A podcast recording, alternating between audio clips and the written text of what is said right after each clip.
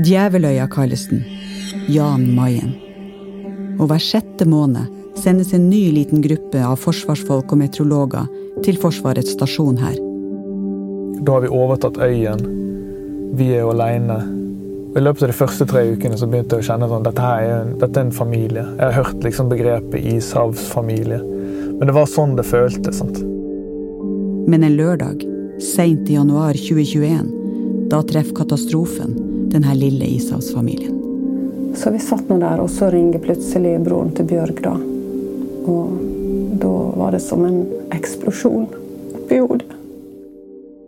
Hør skredet på Jan Mayen i våre historier.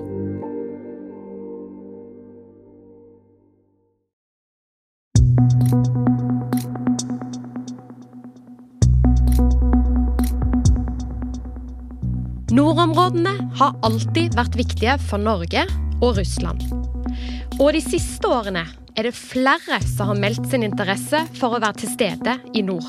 Det handler om rike naturressurser og sikkerhetspolitiske interesser. Det handler om allierte krigsskip og russiske fiskebåter. Hvorfor er nordområdene så viktige for så mange, og hvilken rolle spiller Norge oppi dette? Du hører på Forsvarspodden. Jeg heter Hege Svanes. Karin Anna Eggen, du er ekspert på nordområdene og skriver doktorgrad ved Institutt for forsvarsstudier på Forsvarets høgskole. Og aller først, hvorfor er nordområdene så viktige for Russland? For det første så kan det jo være nyttig for de som hører på, å ta fram et kart. Det er det kanskje beste rådet jeg fikk i starten på min uh, russlandskarriere, når jeg skulle prøve å forstå nordområdene. Og det er jo egentlig bare å uh, ta frem et kart og se hvor ting ligger plassert. Du kan jo si litt sånn på en overordna nivå så handler det for Russlands del om å sikre nasjonal kontroll i områder som, hvis du ser litt framover i tid, blir viktigere og viktigere økonomisk sett, men òg militært sett. Og er allerede militært svært viktig for Russland. Så du kan på en måte henge det på de to knaggene, da, litt forenkla sagt. Vi vet jo på den økonomiske sida så har jo Russland store ønsker og ambisjoner om å utvikle den nordlige sjøruta, f.eks., og sikre kontroll med ferdselen der. Og så har du i tillegg eh, ikke sant, utvinning og håpet om det ressurshvelvet Arktis skal være eh, når det kommer til naturressurser og framover. Og det er jo allerede inntektsbringende. Da tenker du på olje og fisking Ja. og sånne ting? Ja, det er korrekt. Men så klart, eh, fra et sikkerhetspolitisk perspektiv, så er det jo de strategiske kapasitetene som Russland har plassert i nord, og da særlig på Kolahalvøya, som er det som utgjør selve navet og eh, den ultimate sikkerhetsgarantien for Russland. Kan du si litt om hva de kapasitetene består i? Det er jo da primært de kjernefysiske kapasitetene. Eh, langtrekkende eh, missiler, ubåter ikke minst. Det er jo kjempeviktig. Eh, strategiske ubåtene. Hvorfor har de plassert eh, disse kapasitetene så langt nord som på Kolahalvøya? Det er jo ikke et eh, veldig gjestmildt eh, område å bedrive sånn aktivitet, men det har jo det har forskjellige årsaker. Og hvis du ser på det litt i historisk perspektiv, eh, så var det jo svært mye aktivitet under den kalde krigen og i Sovjetunionen. Og dels kan du forklare det med at det fra de russiske basene i nord over til amerikansk fastland, og de hoved... eh, Hvis du skulle nå finne på å sende avfyre noen missiler da, i den retningen eh, USA er jo den eh, fiende nummer én i russisk verdensbilde. Så er det rett og slett så enkelt at det er kortest bane hvis du sender det over Polhaven. Russland har jo, jeg tror det er 40 isbrytere nå.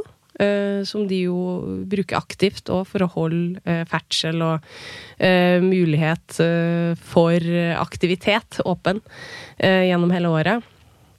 Eh, og de eh, investeringene i og de langtrekkende presisjonsvåpnene gjør jo òg at du får lengre rekkevidde, ikke bare mot USA, men også, ikke sant? For eksempel hvis det skulle være snakk om europeiske mål. Du kommer deg ut, kan gjemme deg, og kan avfyre fra ulike posisjoner. Eh, gjør Svalbard at Norge har en mer utsatt rolle eh, i forhold til Russland, sammenlignet med f.eks. Sverige og Finland? Svalbard er jo utsatt fordi det ligger der det ligger. Det er lange avstander. Altså, Svalbard ligger mer utsatt til, rett og slett, da, enn Sverige og Finland. Eh, men så er jo òg Svalbard dekt av eh, Nato, og eh, ikke sant, den alliansen vi er en del av. Og Nato har jo økt tilstedeværelsen si i uh, våre nærområder og i Arktis betraktelig. Så det, du kan jo si at det på en måte er jo uh, positivt, da, for, uh, for, vår sikkerhet. Men nå vil jo òg da Sverige og Finland mest sannsynlig òg bli dekt under den paraplyen. Men uh, om det da gjør at Russland føler behov for mer selvhevdelse i regionen, det er jo et annet spørsmål. Eller hva de har uh, av ressurser og kapasitet til å uh, øke da, tilstedeværelsen sin i Arktis, gitt at de har nok å henge fingrene i i Ukraina. med de underprestasjonene de har hatt der. Hvordan påvirker det oss i Norge at forholdet da har blitt litt annerledes? Jeg vil si det har blitt øh, veldig annerledes. Uh, jeg vil jo si kanskje den største endringen her til lands er jo den øh, den forståelsen, den russiske aktørforståelsen. Altså, hvem er egentlig denne naboen vår? Og nå jeg tror vi kanskje òg vil allerede begynne å ha tatt inn over oss i stor grad, men som nok vil gjøre seg mer og mer gjeldende og framover, er jo den innsikten at Arktis, nordområdene, det er ikke fritatt fra den oppførselen Russland har vist i andre naboregioner. Så eh, med økt alliert tilstedeværelse, eh, med økt konfrontasjon nå i Arktis, med sant, et USA som jo har eh, markert en mye tydeligere interesse for Arktis tilstedeværelse. Alt det her er òg ting som vil gjøre at Russland kommer til å øke sin eh, tilstedeværelse og aggresjon i regionen. Hvorfor er Russland så innmari interessert i Svalbard? Svalbard ligger jo uh, sånn geopolitisk og strategisk uh, ganske greit plassert. Og når det kommer til liksom den russiske interessen, så er vi jo igjen tilbake til det med nasjonal kontroll og tilstedeværelse i regionen. Russland, det har vi vært innom allerede, da, men ikke sant? Du har brukt betydelig tid på å bygge opp en tilstedeværelse i Arktis, og Russland har et enormt forsprang sammenligna med de andre arktiske eh, statene. Og eh, på Svalbard så har jo òg Russland brukt betydelig tid og investeringer i det russiske tilstedeværelser eh, på Svalbard, og bruker det jo aktivt i sin da, kritikk mot norske myndigheter.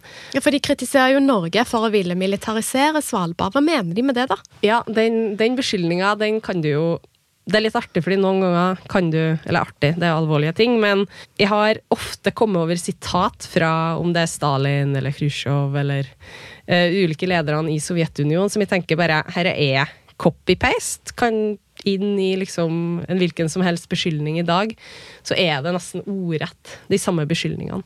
Så den militariseringa av Svalbard, den har jo òg blitt retta mot norske myndigheter eh, før.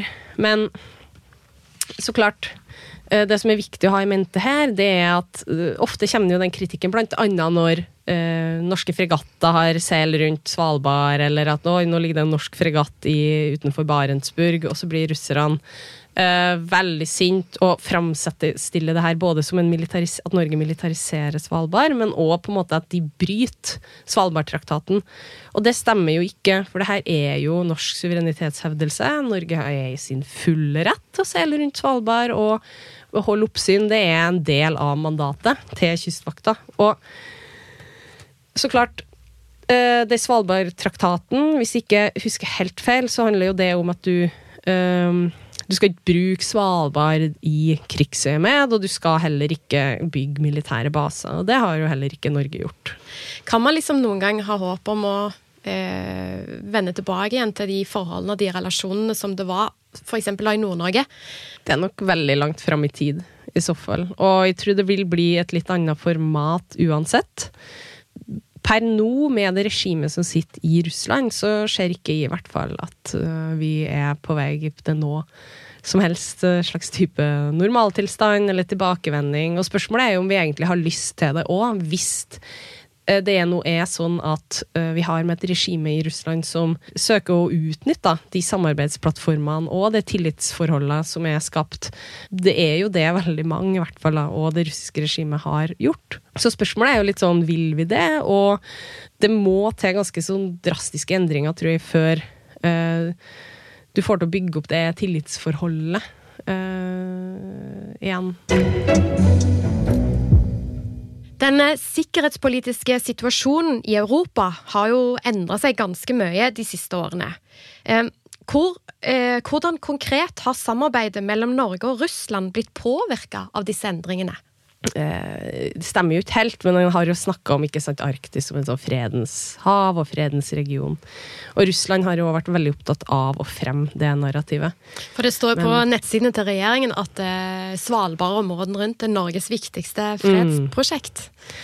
Ja, um, og du kan jo si at sammenligna med andre regioner uh, som grenser til Russland, så har jo Arktis helt klart vært mye mer fredelig enn Svartehavet. Og Østersjøen har vi jo sett mye, mye mer militær aktivitet òg. Uh, så uh, hvis du sammenligner med perioden etter 2014, så vil jeg si at det er et ganske markant uh, skille mellom da og perioden etter 24.2.2022.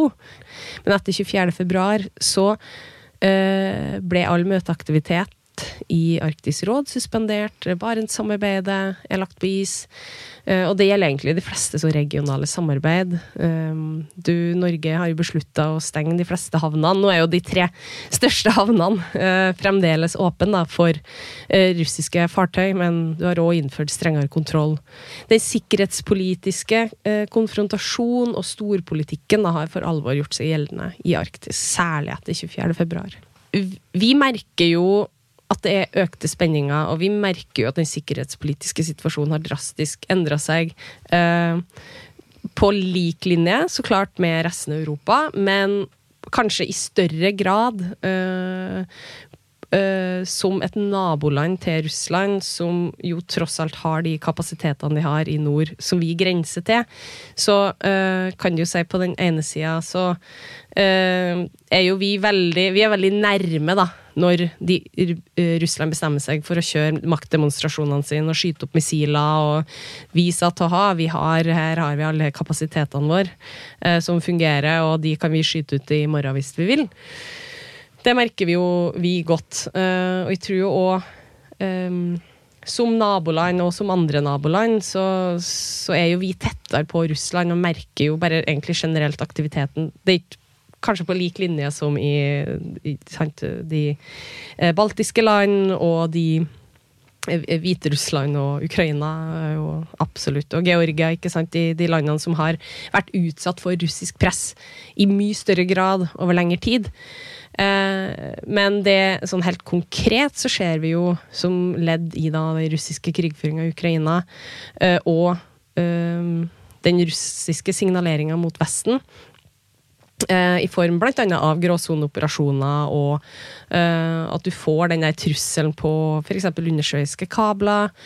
Uh, at vi merker jo alvoret i situasjonen vi står i, og det fører jo bl.a. da til at, uh, at norske myndigheter velger å heve beredskapen. Det er jo sånn veldig konkret konkret eksempel på hvordan vi merker det, men på sånn mer mellommenneskelig plan, så er det jo helt klart at det, du Det gjør jo òg noe med eh, de mellommenneskelige relasjonene, men òg mellomstatlige relasjonene, når et naboland velger å gå til eh, et så massivt angrep mot et annet naboland. Uh, og det har jo fått konsekvenser for samhandling, særlig da i Nord-Norge, og um, og generelt uh, gjør det jo vanskeligere å ehm, forholde seg til Russland. Mm. Og sånn må det jo òg være når Russland velger å oppføre seg som de gjør. Med den kunnskapen som du har, hva er det du frykter mest uh, med tanke på områdene i nord? Altså, det er jo ikke til å komme utenom at Norge er ganske lite sammenligna med, med, Russland. Eh, vi har mindre ressurser. Vi har store Hvis vi snakker om nord, da, så er det store havområder vi skal forvalte. Eh, jeg tror min største bekymring er jo at du får en økning i det presset som jeg i hvert fall mener å se at Russland De har jo skrudd det opp over tid, men uh, jeg mener i hvert fall at det er en økt aggressivitet fra russisk side retorisk, men òg, ikke sant, i den mer sånn militære uh, fjærbrusinga si, eh, også overfor oss. Og de er villige til å ta mer risiko. Nå er det jo ikke attribuert til Russland, men altså det, det meste peker jo mot da f.eks. at den kabelen som eh, ble ødelagt utafor Svalbard, ble gjort av en da russisk uh, fiskebåt. Og det er jo en sånn tydelig markering fra russisk side på hva det er de har evne til å gjøre, hvis de vil, og hvis uh, du får en, en um, uh, Du får økt spenninga, eller du får på en måte en situasjon som gjør at ting eskalerer i nord. Og da er uh, Svalbard, ikke minst, ligger jo veldig geopolitisk kan jeg si, dårlig til da, for, for, for Norge. Um, og vil jo kunne spille en strategisk ganske viktig rolle uh, ved en eventuell konflikteskalering. Uh, så, så, jeg tror liksom hovedbekymringa mi er uh, den de gråsoneoperasjonene, altså det Russland gjør som er vanskelig å si, peke på liksom, herre er Russland som har gjort, og den skaden det kan påføre. og de bruker veldig mye tid på å forberede, både retorisk, men òg ikke sant, med uh, kartlegging av uh, Hva heter det uh, Topologien på havbunnen.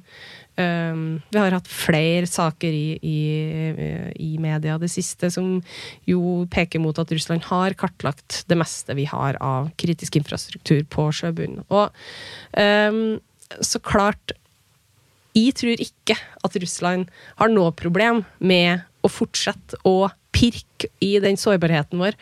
Eh, og de er ganske gode på den balansen mellom når det er for mye pirking, og der de kan holde seg og skape masse hodepine for oss. De er rett og slett gode på gråsone?